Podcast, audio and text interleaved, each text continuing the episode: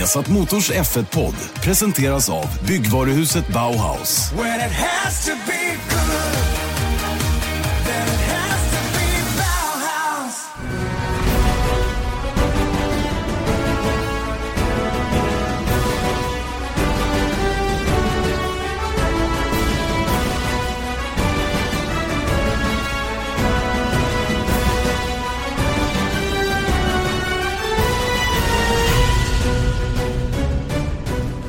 Varmt välkomna till en ny Formel 1-podd. Vi har satt Motors Formel 1-podd med Janne Blomqvist och Erik Stenborg. I dagens podd ska vi bland annat prata om vilka som var vinnarna och förlorarna senast i Japans Grand Prix. Vi tittar självklart också på mittfältet i Formel 1 som lever i allra högsta grad. Och vem mår egentligen sämst? Den som håller på att missa VM-titeln eller de förarna som inte kör vidare i Formel 1 nästa år? Vietnam på väg in på Formel 1-kalendern, är det bra eller dåligt? Och sen kommer det förstås också en lyssnarfråga. Där har ni innehållet i dagens eller veckans Formel 1-podd. Erik Stenborg, laddad till tänderna gissar jag. Ja, som alltid när man sitter här den gången i veckan. Och du ser eh, hel och ren ut, måste Ja, jag säga. för För en gång- ovanlighetens skull. För en gångs skull så har jag åtminstone duschat och fräschat till mig lite. Jag tänkte jag måste vara lite respektabel. Mm. Och du har inte precis landat från Japan heller, vilket underlättar kanske. Nej, det där var ju faktiskt en lite intressant eh, grej. För det var ju länge sedan jag satt hemma i Stockholm och kommenterade och hade dessutom min expert på andra sidan jordklotet då, i form av Eje Älg som gjorde comeback senaste helgen. Ehm, det där är inte så himla lätt ärligt talat. Blir man varse när man gör det igen? Eh, vi gjorde det under väldigt många år, ganska ofta under säsongerna. Men, men sen har det där avtagit mer och mer och det är, det är helt klart en annan situation i alla fall. Att inte se varandra. Då, då får man verkligen lita till eh, instinkter och, och eh, ja, falla tillbaka på gammal rutin som Eje och jag har då, genom att göra det. Mm. Det var ett år sedan som ni gjorde det sist. Ja, det var väl Japans Grand Prix förra året som, som vi gjorde det senast. Va? Så det, men det, det är lite trixigt som sagt. Men det, det funkar ju, tycker i alla fall jag, rent jobbmässigt. Sen hoppas jag att det gör det i andra änden också hemma vid tvn. Ja, det, det tvivlar jag på Mer, sig. Men... mer tveksamt. Nej, men det blir bra. All tycker jag. right. Nog om detta. Ska vi kasta oss in i dagens ämnen tycker du? Och Ja, eh, börja landa lite grann i det här med vilka som var vinnare och förlorare senast i Japan. Det hände ju rätt mycket i alla fall som blev rätt avgörande för, för säsongen 2018, det får man ändå säga. Och ehm, det är väl kanske framförallt Ferrari som man, som man landar på då. Ehm, jag vet inte, vill du börja med vinnare eller förlorare? Vi ska börja med vinnare för vi, vi har ju en segway in sen. Vi avslutar med Ferrari som förlorare då. Just det, Jag, för, jag förklarar för alla nu, gör det. körschemat då, så att Janne mig. förstår också. Vi gick ju igenom det här precis Ja, jag innan, vet, men, men, fasen. Det är inte så lätt. lite trött ändå. Ja, ja, ja, Ja. absolut. Okej, vi börjar med, med vinnarna då, som, som givetvis då allra först måste bli Lewis Hamilton, eller hur? Ja, det finns ingen snack om saken. För det första tycker jag att det var liksom sett till racet som sådant så var det ju ändå ganska så här, det hände ju mycket under racet, men det blir ju den här grejen när någon tar pole position och sen leder hela racet och sen så går det mål som segrare eh, just då vid snabbast, med snabbaste varv också. Det, det trubbar ju av spänningen måste man ju säga.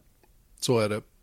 Ehm, eh, han, lite stats kring Hamilton, han tog sin 50 seger för, för Mercedes. Eh, eh han blir den andra föraren i historien då att nå så många för ett och samma team. Den som är värre än honom då är ju Michael Schumacher då med 72 vinster för Ferrari. Eh, och, och det är ju rätt imponerande får man ju ändå säga. Det här var Hamiltons sjätte seger på de senaste sju racen. Det är ju också otrolig statistik. Alltså vilket, vilken kraftsamling han har gjort verkligen för att, eh, för att ta det här stadiga greppet om årets VM-titel. Och sen har han också passerat nu Sebastian Vettel då, 341 eh, som är då för mest ledda varv den här säsongen. Mm. Och det var bara för några race, alltså det var ju den, vad ska man säga, streaken, vad kallas det Ja, på eh, svenska? jag vet faktiskt inte vad det kallas. Det är ett bra ord på engelska men vi har inget riktigt Ja. bra på svenska. Det är säkert någon Svit. som- Svit, svit, svit. Ja. Bra, mycket Den bra. sviten med segrar som man har nu, det var ju, det är första gången som någon har vunnit fler än två race i rad innan. Så att, och, det säger också mycket om hur VM såg ut innan det här, för bara en dryg månad sedan. Ehm, så, så jag menar, den formen han är i nu och dessutom då så leder han VM med 67 poäng, vilket betyder att vinner han och Vettel inte blir tvåa han blir alltså trea eller sämre, då vinner Hamilton VM-titeln i Texas. Mm. Men apropå den här statistiken som du drog upp, han är ju nu i Schumacher-territoriet. Eh, verkligen så. Eh, 70 segrar har han tagit då, totalt sett då, i, i karriären och ehm, eh, han är på väg då att ta sin femte VM-titel. Han har redan passerat Michael Schumacher i antal pole positions. Va? Så att, och han har ju då, om vi, om vi då ponerar att han har två år kvar på sitt kontrakt då, med det här gällande reglementet, verkligen möjlighet att till och med gå förbi Michael Schumacher, vilket man när Schumacher slog de här rekorden såg som omöjligt mer eller mindre. Mm. Och jag minns faktiskt att vi för kanske ett par år sedan satt och pratade om just den här grejen. Kommer någon kunna slå Schumacher? Är det Hamilton som då kan göra det med tanke på hans dominans för ett par år sedan? Och då tror jag att, jag är ganska säker på att vi konstaterade att så inte var fallet. För att ingen, vi trodde liksom inte att den här formen skulle ha i sig för Mercedes, för det är det som krävs, att du behöver bilen att kunna vara så här dominant med. Och jag menar sett till början av det här året så trodde jag inte heller det riktigt. Men nu när de liksom sätter fart på det här sättet. Jag menar titta på det, 70, vad hade han? 70 segrar? Mm, 70, eller 71 blev det då med segern senast ska jag säga. Så han är 20 bakom, 20 bakom Schumacher totalt. Ja, och det är fyra race kvar, han kan vinna fyra till. Och sen så behöver han bara 5, 6, 7, 8 segrar per år och sen så är han gått förbi. Bara. Ja men jag menar med tanke på hur det sett ut Ja. och jag menar fortfarande samma reglementer. Det finns ingenting som talar för att Mercedes ska tappa några enorma eh, fördelar. Eh, inte som det ser ut för närvarande, verkligen inte. Det är ju ingenting som talar för det egentligen då. Eh, vi trodde ju kanske att Ferrari hade hittat på någonting som gjorde att Mercedes var på väg att detroniseras från den här turboera-tronen då som man har hållit sedan 2014. Men eh, just nu är det ingenting som talar för det. Det har ju snarast gått åt andra hållet. Va? Så att, eh, jag, jag, är verkligen, jag, är verk, jag har verkligen fått klart för mig att Hamilton är på en, på en nivå nu att bli tidernas bästa F1-förare. Mm. Och statistiskt sett också. Så Ja. att det, det är ju, sen så kan han ju kanske, det kanske är inte så rimligt kanske att han ska ta åtta VM-titlar, alltså en mer än Schumacher. Man kan tangera i minsta fall och gå förbi segrar och som sagt, han har redan gått förbi pole position. Så Men- då, Men du, den här åttonde VM-titeln kan också bli den extra drivkraft som Lewis Hamilton behöver om vi nu ponerar att han vinner de två kommande åren också och tar sju VM-titlar. Tänk att bli först på åtta. ja, det, det, det vore otroligt. Det som talar emot är att han åtminstone själv säger att han inte bryr sig om det. Det vet Sen jag. vet jag inte om, om man verkligen, för det är klart att det måste ju, det kanske inte är en drivkraft men det måste ändå betyda någonting för en. Det tror jag. Det tror jag. När man kommer till det läget att man har tagit sin sjunde, beroende på hur man mår mentalt. För att, för att vinna sju VM till, eller vinna två VM-titlar till då, om vi, om vi nu utgår från att han vinner årets titel, vilket är mer eller mindre klart. Så, så, så tar det väldigt, väldigt mycket kraft från en person. Och jag menar, Michael Schumacher, man såg ju när han hade tagit sin sjunde titel, hur det började fejda lite grann, hur kom någon och petade bort honom från tronen där. Och sen, sen tog det inte så lång tid innan han eh, insåg att eh, det var inte läge. Och, och, eller han kunde inte utmana längre. Nej. Och man kan ju undra hur Hamilton skulle må om Mercedes av någon anledning trillade ner på liksom Red Bull-nivå. Så att de kan liksom ibland få pallplatser. Då vet jag inte om liksom motivationen skulle hänga kvar speciellt länge till. Nej, jag tror faktiskt inte det. Jag tror sånt är oerhört viktigt när man har legat på så hög nivå som Hamilton har gjort. Att han verkligen vet att han har material för att vinna. Så fort att han börjar tvivla på det, då tror jag att det kan bli, att det kan bli en spiral åt andra hållet så att säga, som är svår att ta sig ur. Absolut. Men vi får se hur, hur det går nu på om man gör Texas eller Mexiko. Det är väl Mexiko som är eh, där blir han garanterat världsmästare skulle jag säga. Ja, skulle kunna, skulle- absolut. Det, det är nog väldigt, väldigt troligt att det händer där, eller i Texas då. Och eh, vi, vi, det som är roligt att komma ihåg då, apropå att vinna fler race, är att senast han vann i USA, eh, så, så eh, liksom tappade han ju formen rätt ordentligt efter det. Mm. Mm. Han, han sa att han inte gjorde det men han gjorde nog det. För då vann Nico Rosberg samtliga race som var kvar den säsongen. Exakt, va? Och, det, och jag var inne på det att man, man, man, tar, man, man skrubbar av några procent av den där spetsen som man har som, som krävs för att verkligen vinna när allting är klart. Och jag tror att även vad man, vad man än säger så sker det omedvetet på något sätt. Och det är jag helt övertygad om är fallet fortfarande. Mm. Vi får se vad som händer. Ska vi gå ner, vidare på nästa? Det tycker jag och eh, konstaterar då att Romain Grosjean eh, är en kille då som, eh, som får anses vara en vinnare då senaste helgen. Även om man eh, tappar en placering där i, i en lite lurig situation i samband med omstarten efter virtuell säkerhetsbil så har Romain Grosjean då när han nu fått förnyat förtroende och fått förlängt kontrakt verkligen bevisat att han är en stabil förare och har varit det ett tag nu tycker jag. Mm. Ja men det är verkligen den grejen att han har varit det ett tag tycker jag. För att han var ju så oerhört skakig tidigare under säsongen och nu helt plötsligt så, så känns han man, man förväntar sig inte att han ska liksom klanta till det. Vilket man kanske gjorde, eller vilket han faktiskt gjorde i början av säsongen. Och, och nu så känns det som en helt annan fransman. Visst är det så och eh, vi kan konstatera nu att han har tagit mer poäng nu den här säsongen än någon av de två tidigare säsongerna i Haas. Han tog 29 2016 och 28 2017 och är nu uppe på 31. Mm. Eh, självklart har Haas ett väldigt, väldigt konkurrenskraftigt paket som hjälper till. Och där får man nästan säga att, att ta de där 29 2016 är den stora prestationen när teamet var helt nytt. Ja, det måste man säga, verkligen. Men eh, det, det, är ju oerhört viktigt också för Haas som team att han börjar leverera också. Det ju, hade han varit mer på par med Magnusen tidigare under året så hade det ju Haas varit förbi Renault redan och just nu så ligger de åtta poäng bakom. Mm i eh, konstruktörs-VM. Och det här är lite kul tycker jag vad, vad den mentala biten ändå påverkar i rätt riktning respektive i fel riktning om man, om man nu tappar det där mentala flytet som man behöver och i Grosjeans fall så är det så jätte, jätte uppenbart att han, eh, att han behöver lite medgång för att eh, locka fram det absolut bästa ur honom själv rent körmässigt. Mm. Det är det där gamla vanliga som vi har pratat om tidigare, att liksom, när allting går emot det är klart man börjar tvivla. Det är det som Bottas har sagt också. Att han inte har vunnit någon gång i år är, börjar liksom tära på hans självförtroende. Och det kan jag verkligen förstå. Ja. Speciellt när den andra killen vinner en hel del. Mm.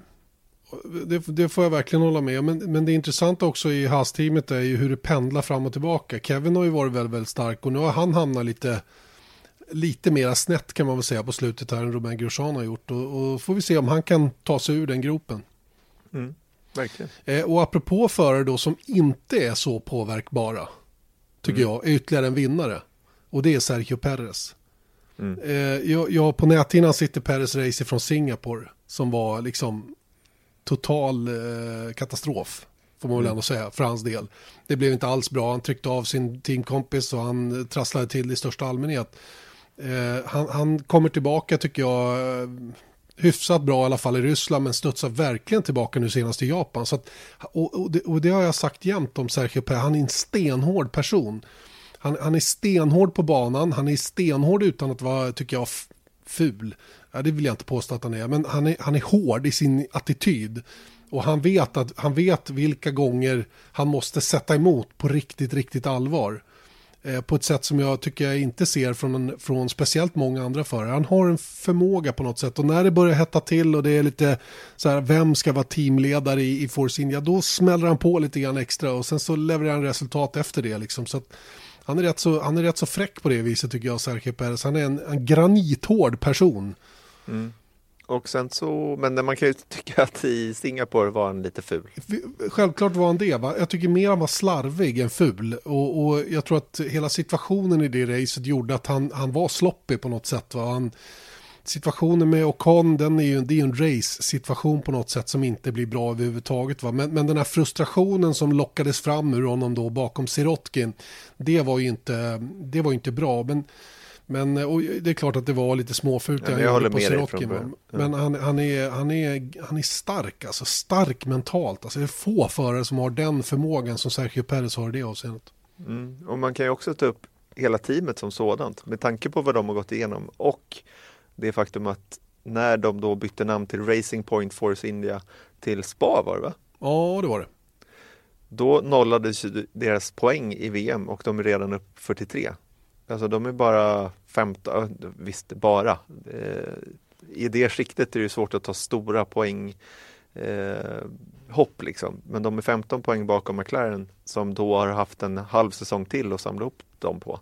Så att jag menar, det är också extraordinärt tycker jag att Force India år efter år tågar på trots mm. vad som händer runt omkring. Eh, en annan sak med Perez också som, som, som är intressant med honom. Han har, han har 4-13 i kvalstatistiken mot Esteban Ocon.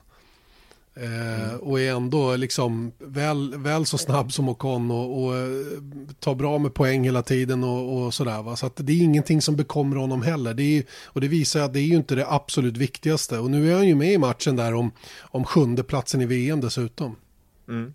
I allra högsta grad. Den kommer vi tillbaka till. Det gör vi, absolut. Vi, vi glider då lite sakta över på de som blev förlorare senast i Japan och eh, där måste vi ändå landa lite grann på Honda. Det såg ju så bra ut men det blev ingenting av det. Nej, de kvalade alltså in sexa, sjua. Nu var det med lite hjälp för att andra inte kanske kom så långt upp som man hade velat. Men ändå, det spelar ingen roll. Sexa, sjua blev de. När vi eh, pratade med Frans Toss på startgriden inför start så säger han att eh, ja, men vad, vad hade varit en, ett eh, bra resultat?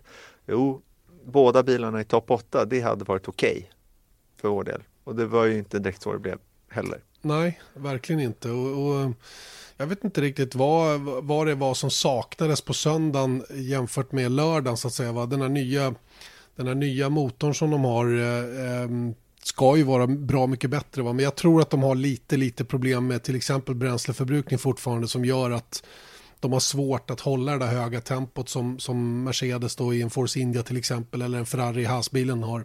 Och då, och då, då, då rinner det iväg ganska fort. Mm. Och, och, det som var allra tråkigast tycker jag för Honda det var ju att, att, ähm, äh, att äh, inte Brendan Hartley eh, lyckas få ut någonting egentligen utav, eh, utav sitt fina kval. Han, han följer tillbaka ordentligt, hamnade alltså bakom Marcus Eriksson i mål och det är ju det är ju inte bra för Hartley att, att falla så långt ner från en sån fin startposition. Marcus startade trots allt 20 och Hartley startade mm. sexa. Mm. Eh, sen var inte det hela sanningen, va? Men, men ni förstår vad jag menar. Mm. Ja, men det är klart att det är så. Men det är väl det där med tanke på Hondas problem med tillförlitlighet de senaste åren så är väl det här ett tecken på att visst, de kan hitta power. Och det var ju någonting faktiskt som McLaren kritiserade Honda så mycket för när de körde med de motorpaketen också. att Jo men kraften finns där men, men eh, tillförlitligheten är ju akilleshälen och det kanske eh, uppenbarligen så är det väl samma, samma problematik med tanke på antalet motorelement som de har använt under året. Men jag tycker ändå att det är ett enormt steg framåt att de har tagit de här kliven och ens kunna kvala 6-7 i toppen. Mm, verkligen. Speciellt på hemmaplan. Det sägs att de har en gigantisk budget i ordning från Hondas sida till nästa år. Det blir en riktig, riktig kraftsamling nu när de blir, ja, när de blir fabriksleverantör åt Red Bull. Och det blir ju intressant att se vilka steg de kan ta över vintern nu. Då. Det är ju ändå begränsat vad man kan göra under pågående säsong. Man måste ju ändå ha motorer igång som, som liksom fungerar någorlunda i, det, i den bil som man nu levererar till. Va? Men till nästa år så, så finns det nog anledning att, att, ha lite extra koll åtminstone på Honda-motorn. Nu har vi i och för sig sagt det i stort sett varenda år att nästa år då kommer Honda. Men mm. Eh, det har inte riktigt, eh, de har inte riktigt levt upp till det. Men, men eh, det känns som att nästa år så, så så tror jag faktiskt att det, det, det ändå kommer det här extra steget så att säga då, att de kan göra till exempel Red Bull till ett riktigt toppteam på allvar igen. Mm. Jag hoppas det inligt faktiskt, inte minst för eh, intressemässigt. Men det, jag tycker det var ganska intressant också. Vi körde ett reportage med Pierre Gasly i eh, lördags va? Söndags. söndags. Eh, precis, och då, då um, tänkte jag på det att han pratar om, i och med att han har kört med Honda redan i Superformula i fjol. Eh, så pratade han om hur han har liksom lärt sig hur man bemöter den japanska kulturen. Att man ska man kan absolut vara straightforward och eh, komma med kritik men det måste vara liksom objektivt kritik och positiv så att säga. Att det liksom, grundtanken måste vara att så här, då måste vi kraftsamla åt det här hållet så blir det bättre inte göra så som McLaren gjorde och bara totalt såg av benen på dem. då, då liksom på något sätt låser sig den japanska kulturen, typ. Ja, eller deras sätt att se på det. Jag vet inte om man, man håller tillbaka deras drivkraft att vilja göra saker och ting bättre. Men eh, helt klart är det ju att det, det handlar väldigt mycket om respekt. Mm. Eh, så att man, eh, det är ingen idé att vara destruktiv i sin kritik utan den behöver vara konstruktiv och eh, se till att alla jobbar framåt snarare än att bara säga att nu skiter vi där. Vilket mm. jag upplevde att McLaren gjorde. Eh, mm. Rätt så mycket i alla fall. Verkligen. Apropå McLaren då, så är ju det definitivt en av förlorarna under Japans Grand Prix och hela den helgen. Eh, till att börja med kommer man alltså till en tävlingshelg och har glömt att beställa däck i tid. Mm. Vilket betydde att man fick då en så kallad default-tilldelning. Eh, och, och, eh, jag hade inte lagt någon större vikt vid vilka däck de hade valt eh, till Japans Grand Prix. Men när jag såg hur det såg ut så märkte ni ju sen att jag reagerade och tyckte det såg konstigt ut. Sen så kom ju då jag eh, fick lite hjälp från flera tittare som hade läst sig till då att de hade helt enkelt glömt att beställa däck. Nu är det ingenting som McLaren har erkänt själva. Men jag tror inte de hade valt som Tvärtom. de gjorde. de, de, har dementerat det, dementerat det å det kraftigaste. Mm. Men det är klart man gör det. För att hur ser det ut att ett team, det är en ganska viktig del. Hur många däck av de här ska vi göra? Och, oavsett anledningarna till att de bommade den så är det ju något kanske tecken på att det är ganska rörigt. Ja, jag tycker det, det är extremt signifikativt faktiskt för hur McLaren funkar för närvarande och, eh, och trots de här förändringarna i ledningen så gör man den här typen av misstag och det är ju det lyser inte professionalism om det direkt. Nej, det är precis det som är problemet och när man är i den här svackan och liksom ah, shit, Nej, men jag blir liksom jag tror inte, hade vi haft vårt eh, F-team som vi pratar om ibland så hade vi inte glömt att eh, beställa däck tror jag. Säg inte det. Det beror på Nej, vem som är ansvarig för det. Ja precis, men det är väl bäst att jag tror inte jag ska ta, ta på mig det heller. Nej. Vi får ta någon annan. Eh, rent körmässigt så var ju Fernando Alonso klart starkare än Stoffel van Dorn igen. Stoffel som startade 19 med bara Marcus Eriksson snett bakom sig då. Och det var ju som, som Eje sa till mig, det syns vilka förare nu eh, när, där längst ner, vilka det är som inte har det så kul i Formel 1 just nu. Och det, det stämmer ju rätt så väl faktiskt med, eh, med van Dorn och Eriksson i det avseendet. Och ingen av dem kör vidare i Formel 1 nästa säsong. Eh, vi ska prata mer om det där också så småningom. Men, men eh, ja Van Dorn har en, en riktigt, riktigt djup svacka för närvarande. Mm. Eh, vi tar eh, nästa då utav förlorarna och eh, kommer in på Kevin Magnussen. Mm. Eh, Kevin, eh, inget roligt race eh, överhuvudtaget. Eh, som han, ja, det blev ju stökigt för honom. Dels så gick han ju inte vidare till Q3. För han orkade inte det som Romain Grosjean orkade, nämligen att kvala sig vidare till Q3 på ett sätt soft. Eh, och fick ta konsekvenserna av det. Och, och ja, när vädret ställde till det lite grann så blev det bara en tolfte position. Och sen så i själva racet då så ehm, ja, är det ju ganska känt vad som hände då. Han var inblandad i en incident då med Charles Leclerc, omdiskuterad sådan. Mm. Eh, skuldfrågan, eh, ingen blev skyldig i den där. Ingen var predominantly eh, den som orsakade det då som de kallar det på engelska. Eh, och eh, man kom undan med det. Va? Men det har ju varit mycket surr ifrån båda teamcheferna där och båda tycker naturligtvis att deras förare var den som var mest drabbad. Mm. Men, men Kevin rent generellt Um, har ju fortfarande det här ryktet om att vara onödigt aggressiv. Många förare tycker att han är onödigt aggressiv och, och för aggressiv och, och rent av farlig emellanåt. Um, och uh, han är ju så pass duktig Kevin.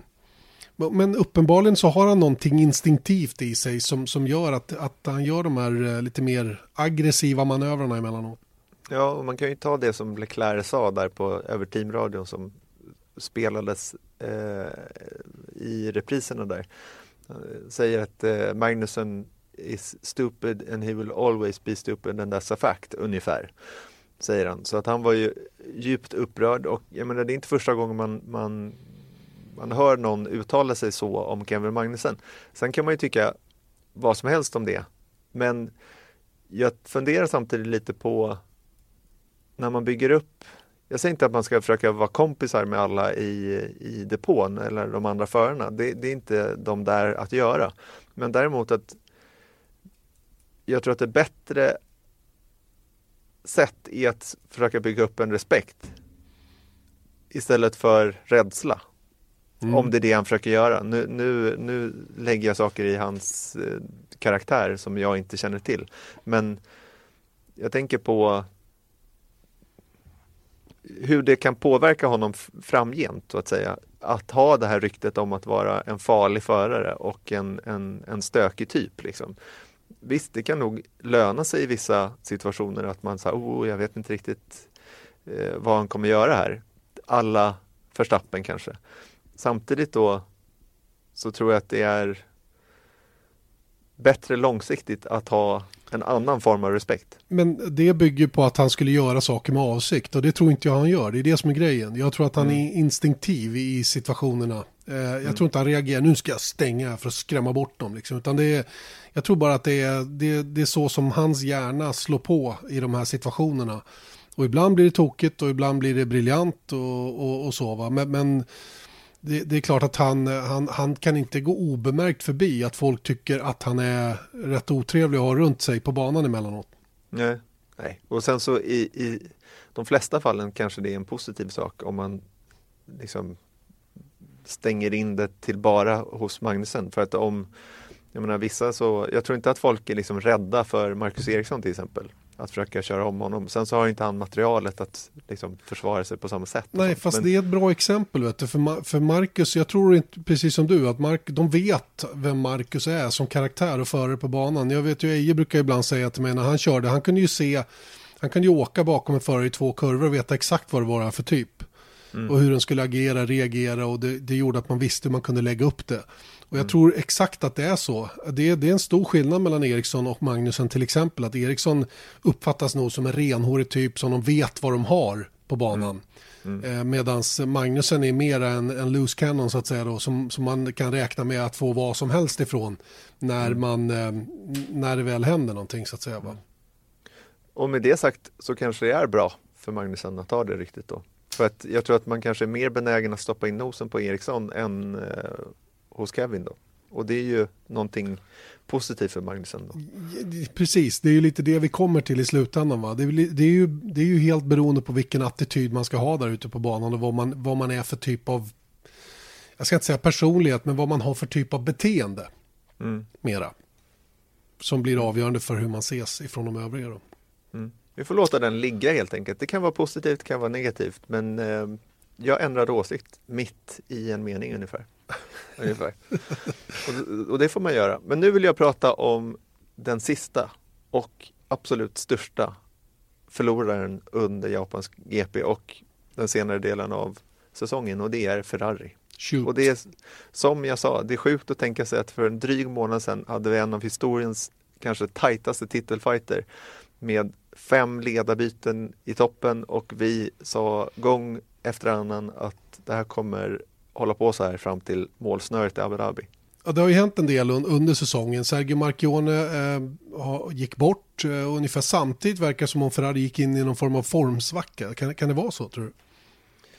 Ja, det har ju funnits eh, diskussioner om detta under lång tid och det började väl, för det första var det väl att han gick bort runt Belgien, Italien där någonstans och vi pratade om Sergio Marchione då han är högsta chef för, eh, han var högsta chef för FCA, alltså Fiat Chrysler Automotive, som i sin tur då äger Ferrari.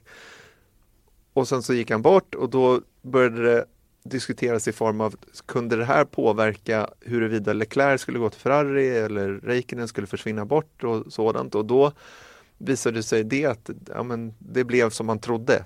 Leclerc gick till Ferrari, Räikkönen försvann bort från Ferrari till Sauber men det kanske inte var på kartan just då. Men man tänkte liksom att nej men det är väl business as usual. Men det är ju det här att när en eh, chef för ett företag går bort så kan det bli rörigt i organisationen gissar jag. Mm. Och det är ju lite så det upplevs hos Ferrari nu, att det är rörigt. Eh, onekligen och, och det är ju framförallt rörigt nere på teamnivå känner jag. Att eh, själva driften av Formel 1-teamet som rimligen inte bör vara någonting som Marchiona har haft någonting med att göra tidigare eller de nya cheferna heller för den delen.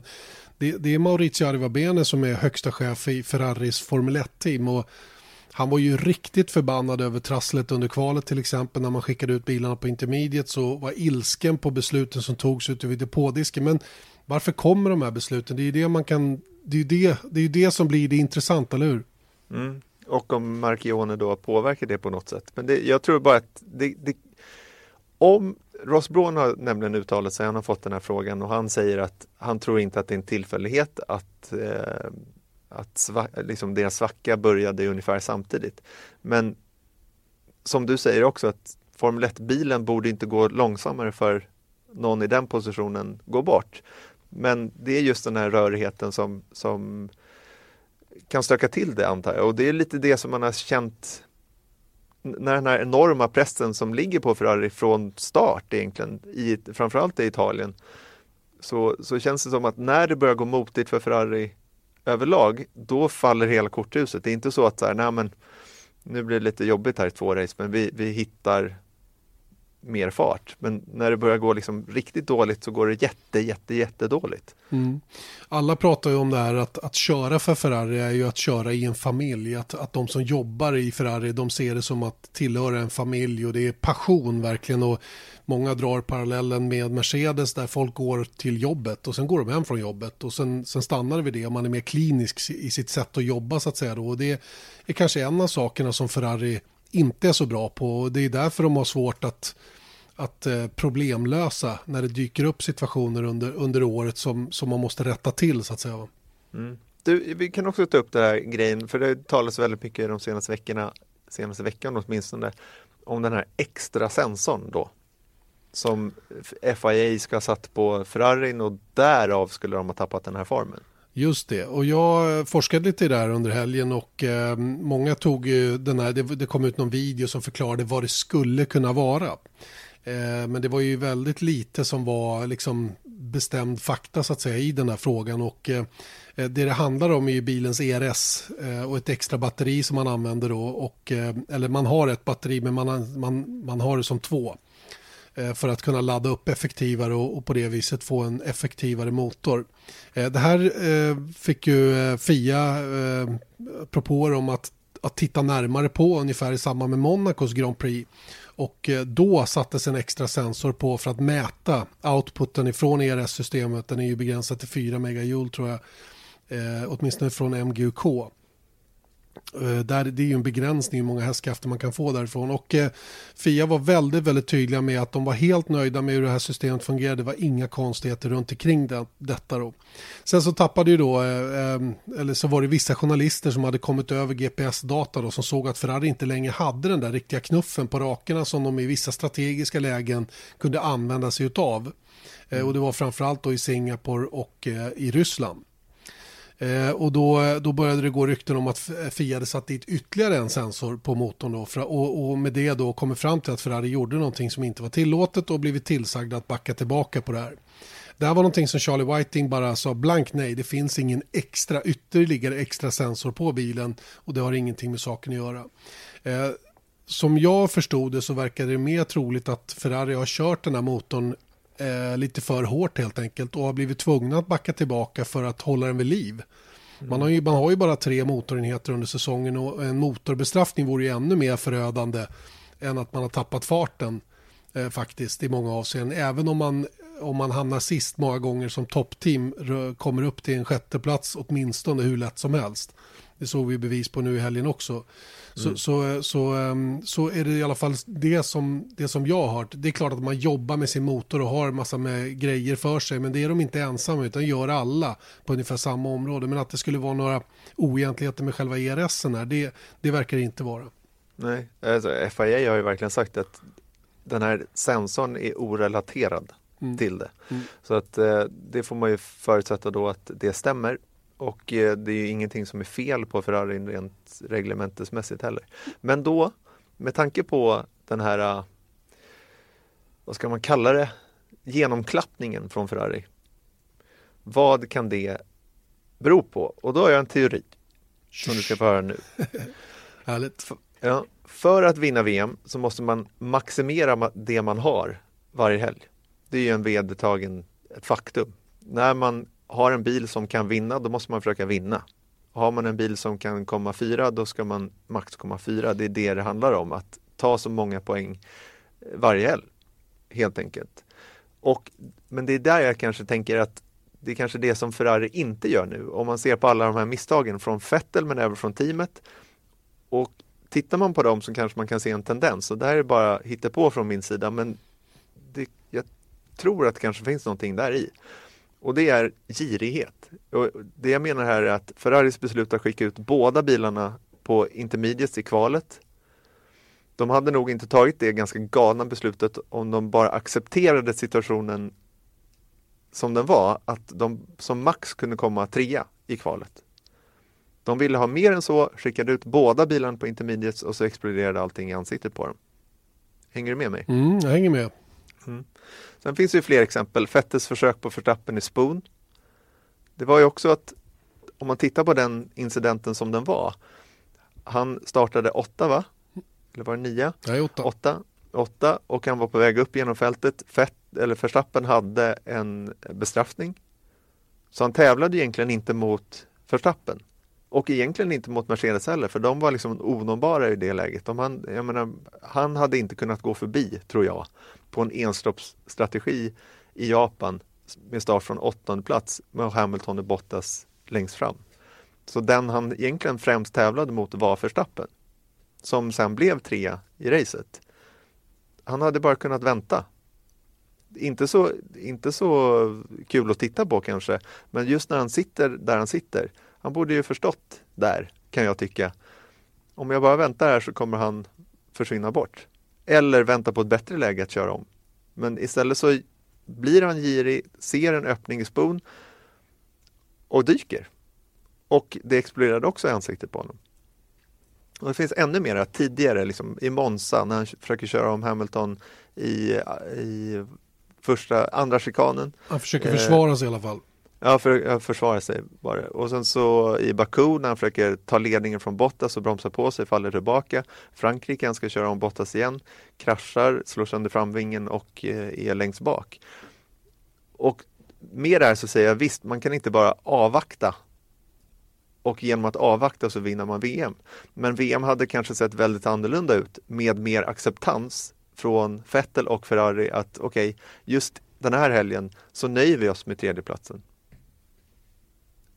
Hänger på? Ja, jag hänger på. Jag hänger på. Mm. Och, och eh, girig är ett ord man kan ha för det. Va? Men, men eh, man kan ju också säga att den här formsvackan då som startade där runt efter Belgien någonstans eh, och som sen kulminerade med det som hände i, Monza så har de ju efter Monza i alla fall tvingats ta extraordinära beslut för att ha någon chans överhuvudtaget i deras egen i deras egen, med deras eget sätt att se på det.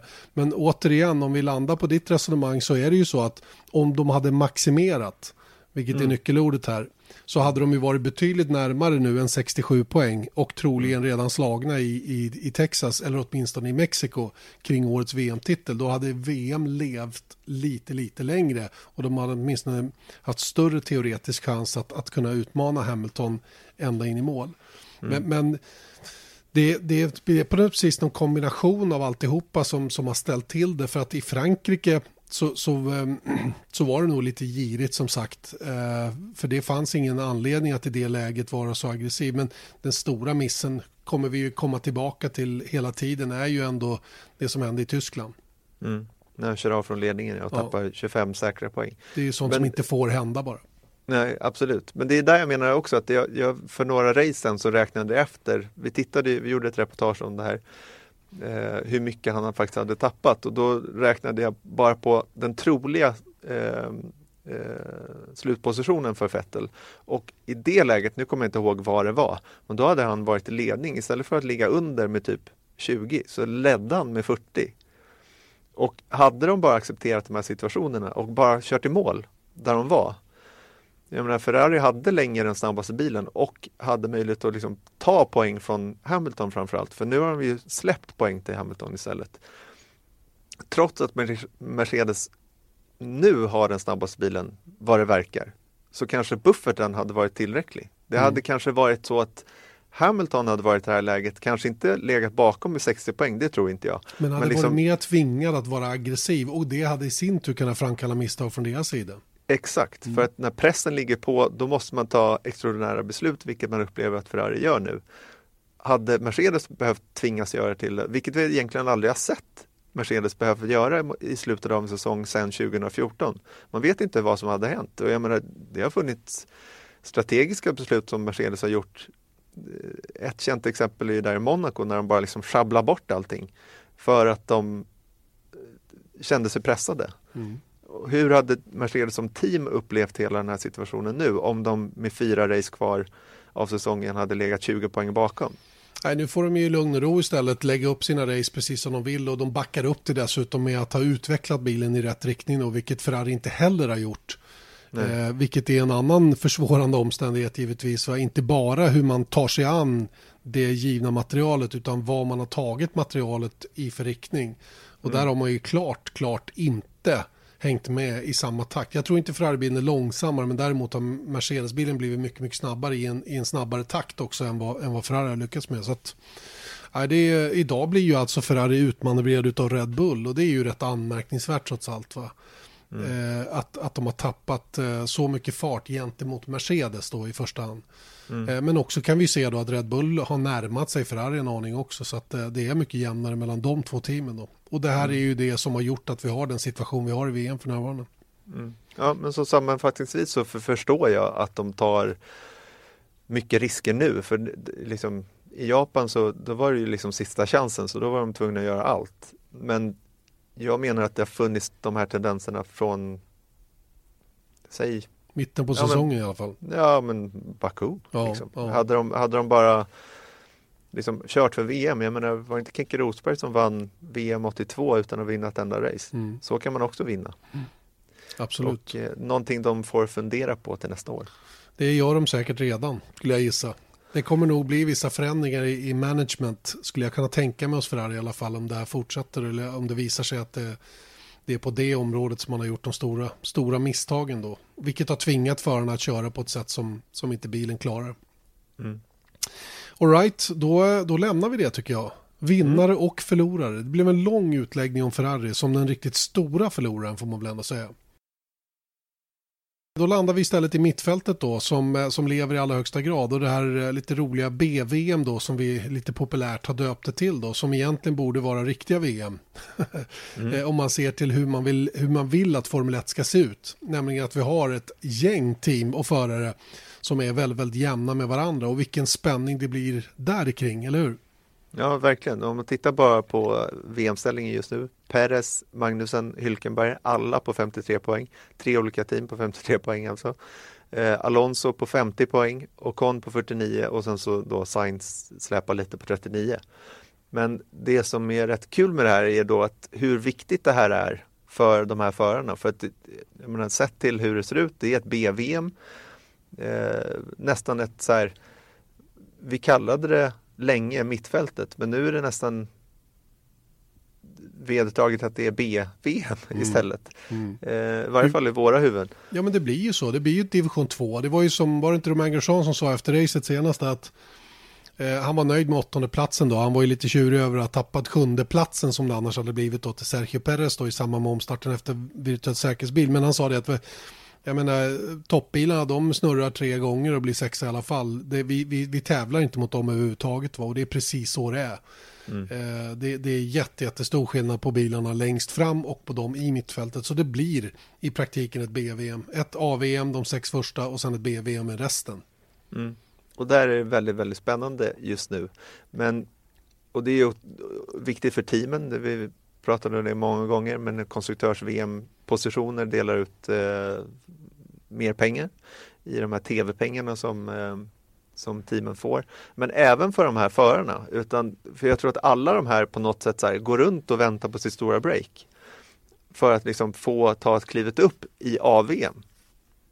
Hur det nu ska gå till, det finns inte så många platser där. Men jag tror ändå att de vill liksom ligga där och bevisa att så här, men jag kom sjua. Jag är det, hade jag haft rätt bil så hade jag kunnat slåss om VM-titlarna. Alla tänker så, förutom Alonso. Mm, han bryr sig inte för fem öre. Nej. Och han har ju trots eh, den inställningen och eh, trots det bristfälliga materialet stora delar av den här säsongen kört in 50 poäng, vilket är osannolikt bra egentligen. Mm. Eh, sett till hur, hur McLaren-bilen ser ut emellanåt. Att ändå finnas med mitt i, där, eh, mitt i den här högen är ju, det är imponerande verkligen. Jag måste säga att det är, det är sånt som man måste lyfta fram trots allt. För han är en väldigt skön karaktär Fernando Alonso. Han drev verkligen med, med media efter kvalet senast när han eh, återigen utnämnde sitt kvalvarv då som, jag vet inte vad det räckte till, inte speciellt bra i varje fall. 18 tror jag. 18 ja, det var, det var inte en millimeter fel. Han hade tagit ut precis allt som fanns och det var, ett, ja, det, var det bästa varvet han eh, gjort hittills på Suzuka. Det, det är liksom os, mm. oslagbart bra och ändå bara 18. Mm. Och, det, och det, sånt säger ju han, för han får ju napp va. Alla skriver ju det där. Mm. Det, det, blir liksom, och, och, han vet ju att det är så, så varför inte utnyttja situationen liksom. Mm. Så han är ju lite, han är lite speciell på det viset, va? men han har verkligen tagit det till sin spets där, att, att utnyttja media och medias sug efter soundbites eh, hela tiden. Mm. Ja, men det, han, han, är ju karaktär, och, men just den här grejen, vi har pratat om det ganska många gånger i år också, men eh, just det här vet jag inte om jag kommer sakna av Alonso nästa år när han inte längre är i Formel 1. För att jag tycker att det är lite så här, oh, jag orkar inte höra. Nej. Nästan. Men, men eh, som förare kommer man ju sakna honom såklart. Men det är just det här faktumet att ah, mitt i allt det här så är det en viktig kamp som är på gång. De bara, och så får han frågor så här, vad, vad, känner du för att komma sjua? Han bara, jag skiter i det totalt. Mm. Det finns absolut ingenting. Och det var ju precis av den anledningen som han flyttade från Ferrari. För att han bara, för mig spelar inte en andra plats i VM någon roll överhuvudtaget. Han vill därför, bli bäst i världen, punkt ja, slut. Exakt, han ville vinna VM-titlar och han ansåg inte att han kunde göra det hos Ferrari, vilket har visat sig att han kanske inte hade kunnat. Men det har inte blivit bättre i McLaren så är det bara, men jag tycker bara att det är intressant att i den här fighten så är det massa hungriga killar förutom Alonso. Och då, då, kommer vi in på nästa grej som jag satt och funderade på hemma i soffan igår. Och, eh, och, och då så, så satt jag och klurade lite för mig själv. Så tänkte jag, vem på griden mår sämst just nu? Vem tycker att det är helt värdelöst? Ja, men liksom så här det, är ju, vi har ju ändå Fett, Sebastian Vettel som hela den här säsongen fram till för ett tag sedan har varit med och slagit som VM-titeln och så bara, så bara glider det honom ur händerna. Va? Och hans chanser att bli världsmästare för femte gången och för första gången i ett annat team än där mm. han vann de fyra första titlarna håller på att rinna honom i händerna. Va? Tiden mm. rinner iväg nu, han har 19 och 20 på sitt kontrakt. Eh, nästa år kommer en väldigt, väldigt stark teamkamrat till Ferrari som jag tror han är inte hundra bekväm med att ha som teamkompis, i alla fall baserat på kommentarerna om vad han tycker att Kimi lämnar och som uppenbarligen inte kan mäta sig med Fettel. Mm. Så, så blir det ju då, så, så blir det intressant att tänka sig då, Fettel, ja, han missar VM-titeln, han kör i en av fältets bästa bilar men han missar VM-titeln, han måste ju må pyton just nu. Men mår han sämre än till exempel van Dorn, Eriksson och Con som inte kommer att köra Formel 1 nästa år och som, som har fått eh, sitt besked här under pågående säsong. Van Dorn för rätt länge sedan, Eriksson för några helger sedan och Con då som inte riktigt vet ännu va? Men, men det mesta talar ju för att han inte kommer köra Formel 1 nästa år. Hur, hur liksom, det, det, är rätt, det är rätt fascinerande då att det kan vara så skilda världar men ändå en liknande känsla eh, att mm. köra Formel 1 just nu. Antagligen i alla fall. Det är en oerhört hypotetisk fråga men det är ganska kul om man bara diskuterar vad de här människorna är och då har vi Fettel eh, av redan nämnda anledningar. Det är klart att han inte tycker att det är superkul också för att jag menar man pratar om det så många gånger men jag tror verkligen att det stämmer. Att köra för Ferrari är någonting helt annorlunda än att köra Formel 1 eller att ens köra för Mercedes. Just för att det är den här passionen någonstans och high risk, high reward brukar man ju säga. Mm. Att eh, skulle han då komma in alla Schumacher och frälsa teamet, eh, då skulle han ju bli nationalhjälte. Men när han inte riktigt når fram, det måste vara oerhört frustrerande av, av den anledningen också. Att... Och, och, prestationerna i år gör ju till slut att frågetecknen dyker upp. Är han mm. tillräckligt mm. bra? Är han, ja, det har ju redan börjat komma. är han föraren som ska ge Ferrari deras första VM-titel sedan 2008, deras första förartitel sedan 2007? Är verkligen Sebastian Vettel den föraren?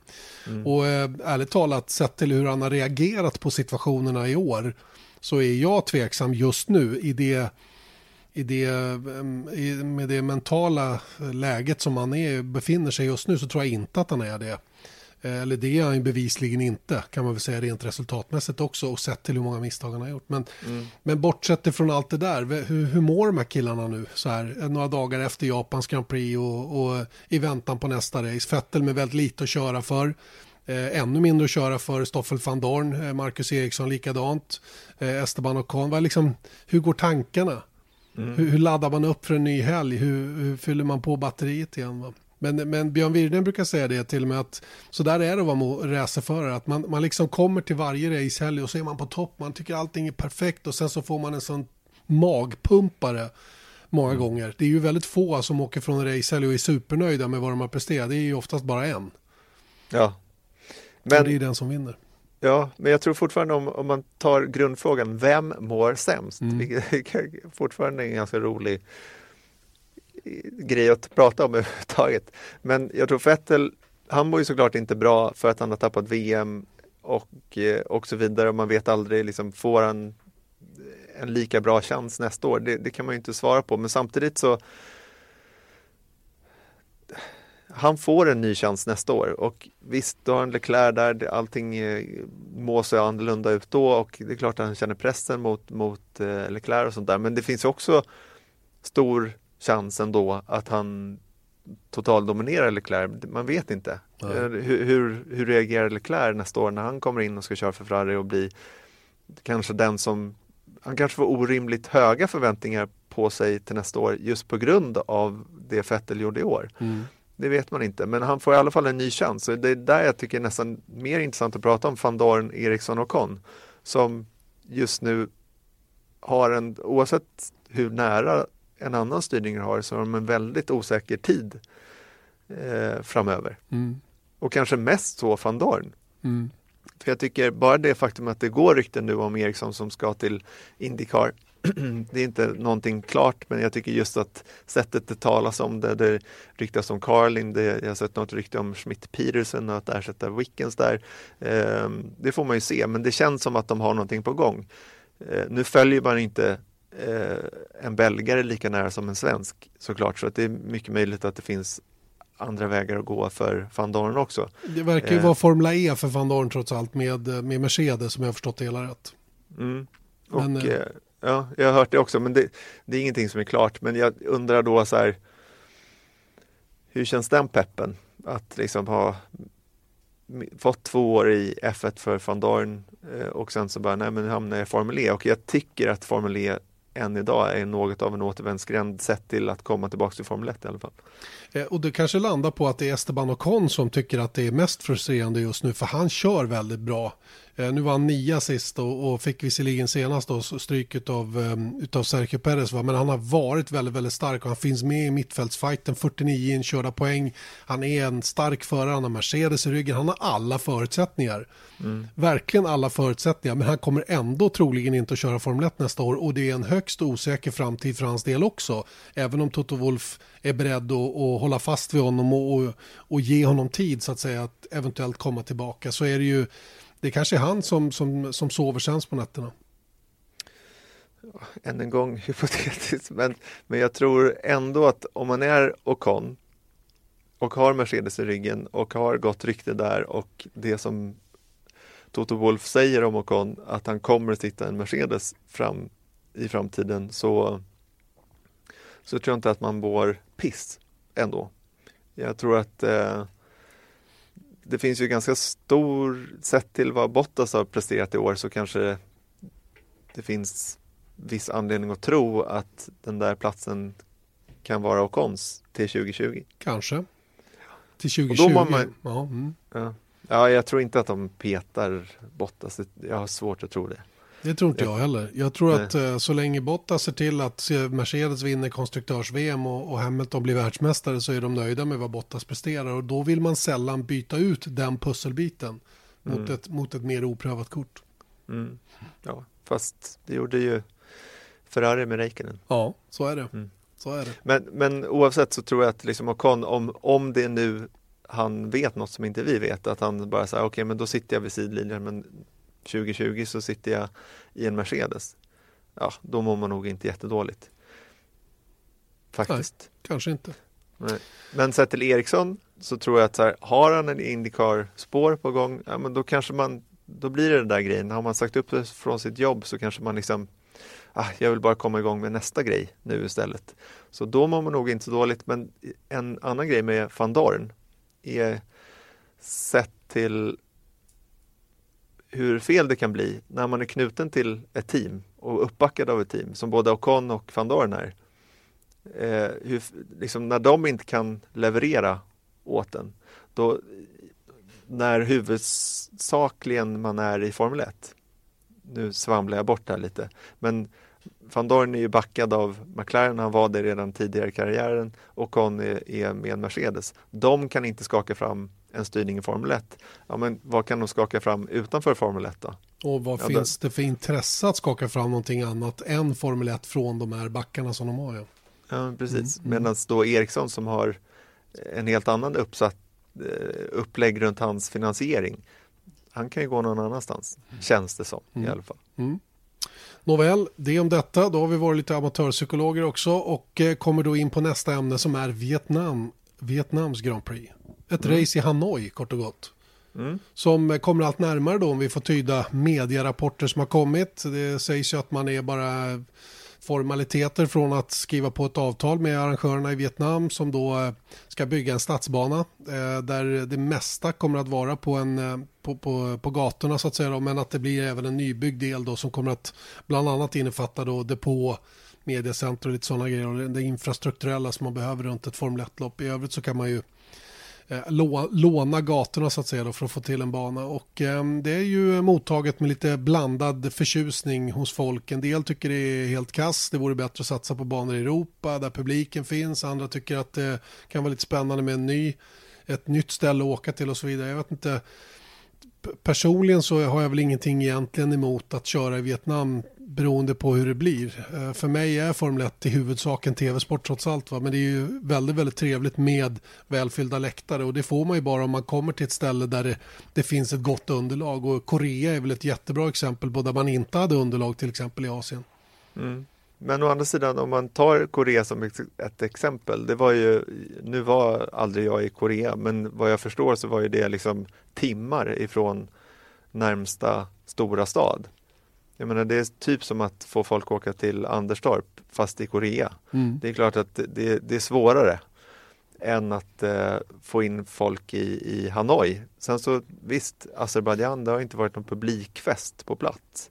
Men eh, sett till stämningsmässigt när man ser det på tv så är det ju eh, så har man inte upplevt det att det varit åh oh, gud, det är, det är ingen som sitter och tittar i, i Baku. Men ta Singapore som ett annat exempel. Det känns ju som en oerhörd stämning på plats i eh, centrala Singapore och om det här är centrala Hanoi, jag, jag, tror inte att det, det kommer vara något större problem. Nej, vi får se vad det blir. Men ja. det är i alla fall inte så långt bort. Nej, men däremot så, ja, det är till 2020 då som, som eh, eh, allt indikerar på att det kommer vara på kalendern. Det är ju frågan då om, om eh, det kommer utöka kalendern till 22 race i och med det racet eller om något eh, annat kommer försvinna. Mm. Vad tror du då? Alltså ingen aning. Jag, jag, tycker liksom just nu när det känns som att eh, Tyskland är någorlunda stabilt med, med bra publiktillströmning i, i år och fjol var det va? Eh, så känns det som att det är lätt att ta Tyskland som ett eh, exempel bara för hur det sett ut de senaste åren men, men eh, jag hoppas att Tyskland blir kvar i alla fall. Eh, men jag har lite problem med den där utökade kalendern. Jag har mer och mer liksom känt att 18 till 20 race hade varit optimalt istället för 20, 22, 23, 24, 25. Eh, för det, jag tror att det kan bli lite för mycket faktiskt. Börjar du bli gammal och trött alltså? Lite, jag blir inte yngre i alla fall. Man är inte 20 längre. nej, nej, men det är just det där bara sett till hur helgerna är uppbyggda. Och då pratar jag inte om, om jobbmässigt, men att få folk att engagera sig eh, 25 helger. Det, det har vi pratat om tidigare också, men jag, jag tror inte det nödvändigtvis är en enkom positiv grej. Nej. Um, besked om Vietnam eh, vara eller inte vara lär väl komma då inom kort om vi får tro de här medierapporterna som vi, som vi har sett då eh, om att eh, det racet är på gång. Eh, vi ska faktiskt ta och runda av eh, veckans Formel 1-podd med detta. Lyssnarfrågan presenteras av Pirelli. Pirelli. Power is nothing without control. Just det, det var en Pirelli-lyssnarfråga där man eh, som vanligt då får ställa sina frågor på facebook.com F1-podden på vår eh, vägg. Och eh, det är många som gör det, vilket vi tycker är väldigt kul. Och eh, den här veckan har vi valt ut, vem då? Johan Ekman är det som ställer frågan hur man använder sig av den här målade färgen. Det som vi då lite populärt kallar för Flowiz.